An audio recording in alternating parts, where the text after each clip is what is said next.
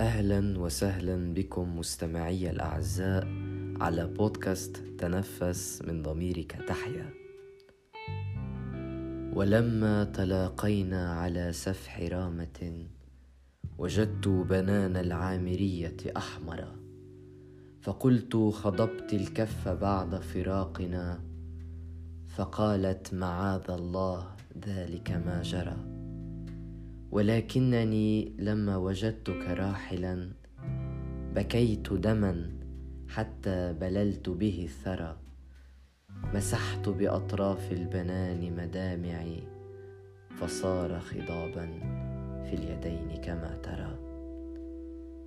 هيدا شعر لقيس بن الملوح. وقصة هيدا الشعر تتسم أو تتصف بالرقة والإحساس والمعاني العذبة والحب الصادق الذي لا ينتهي بمرور الوقت. وأنا اليوم سوف أقص عليكم هذه القصة. هحكي لكم هذه القصة الرائعة. عندما أراد قيس بن الملوح أن يسافر لكي يبحث عن رزقه وينشر شعره فأتت ليلى العامرية وهي حبيبته فسألته إلى أين هو ذاهب.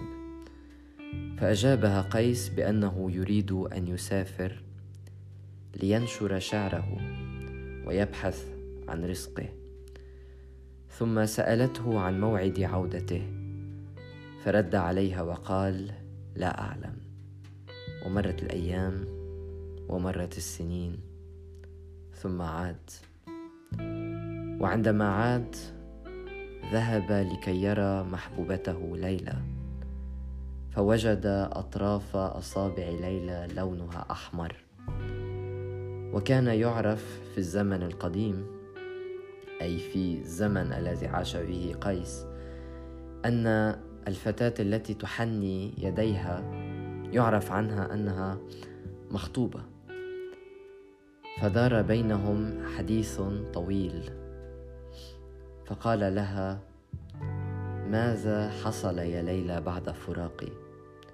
وهل حنيت يديك وانخطبت؟ فقالت بشوق له لا ولكني منذ أن سافرت وأنا أبكي على فراقك دما حتى ابتل التراب. وكنت أمسح دموعي حتى تحنت كما ترى لأن دموعها كانت عبارة عن عن دم. فعندما كانت آه، تمسح دموعها بأطراف أصابعها فبدت وكأنها تحنت. فكتب لها هذه القصيدة الرائعة. لذا من أجمل الأشياء التي يمكن للشخص أن يهديها للحبيب هو الإخلاص والوفاء. كما وأن العلاقات حتما لا تقاس بسنوات العشرة ولكنها تقاس بطيب الأخلاق والأثر الجميل والمحبة والإخلاص. وأختم هنا بهذه العبارة أو بهذه النصيحة إذا أحببت شيئا أو احدا فأطلق حريته وسراحه فإن رجع وعاد لك فهو ملك لك للأبد وإن لم يعد فهو لم يكن لك منذ البداية. شكرا لاستماعكم وتصبحون على ما تحبون.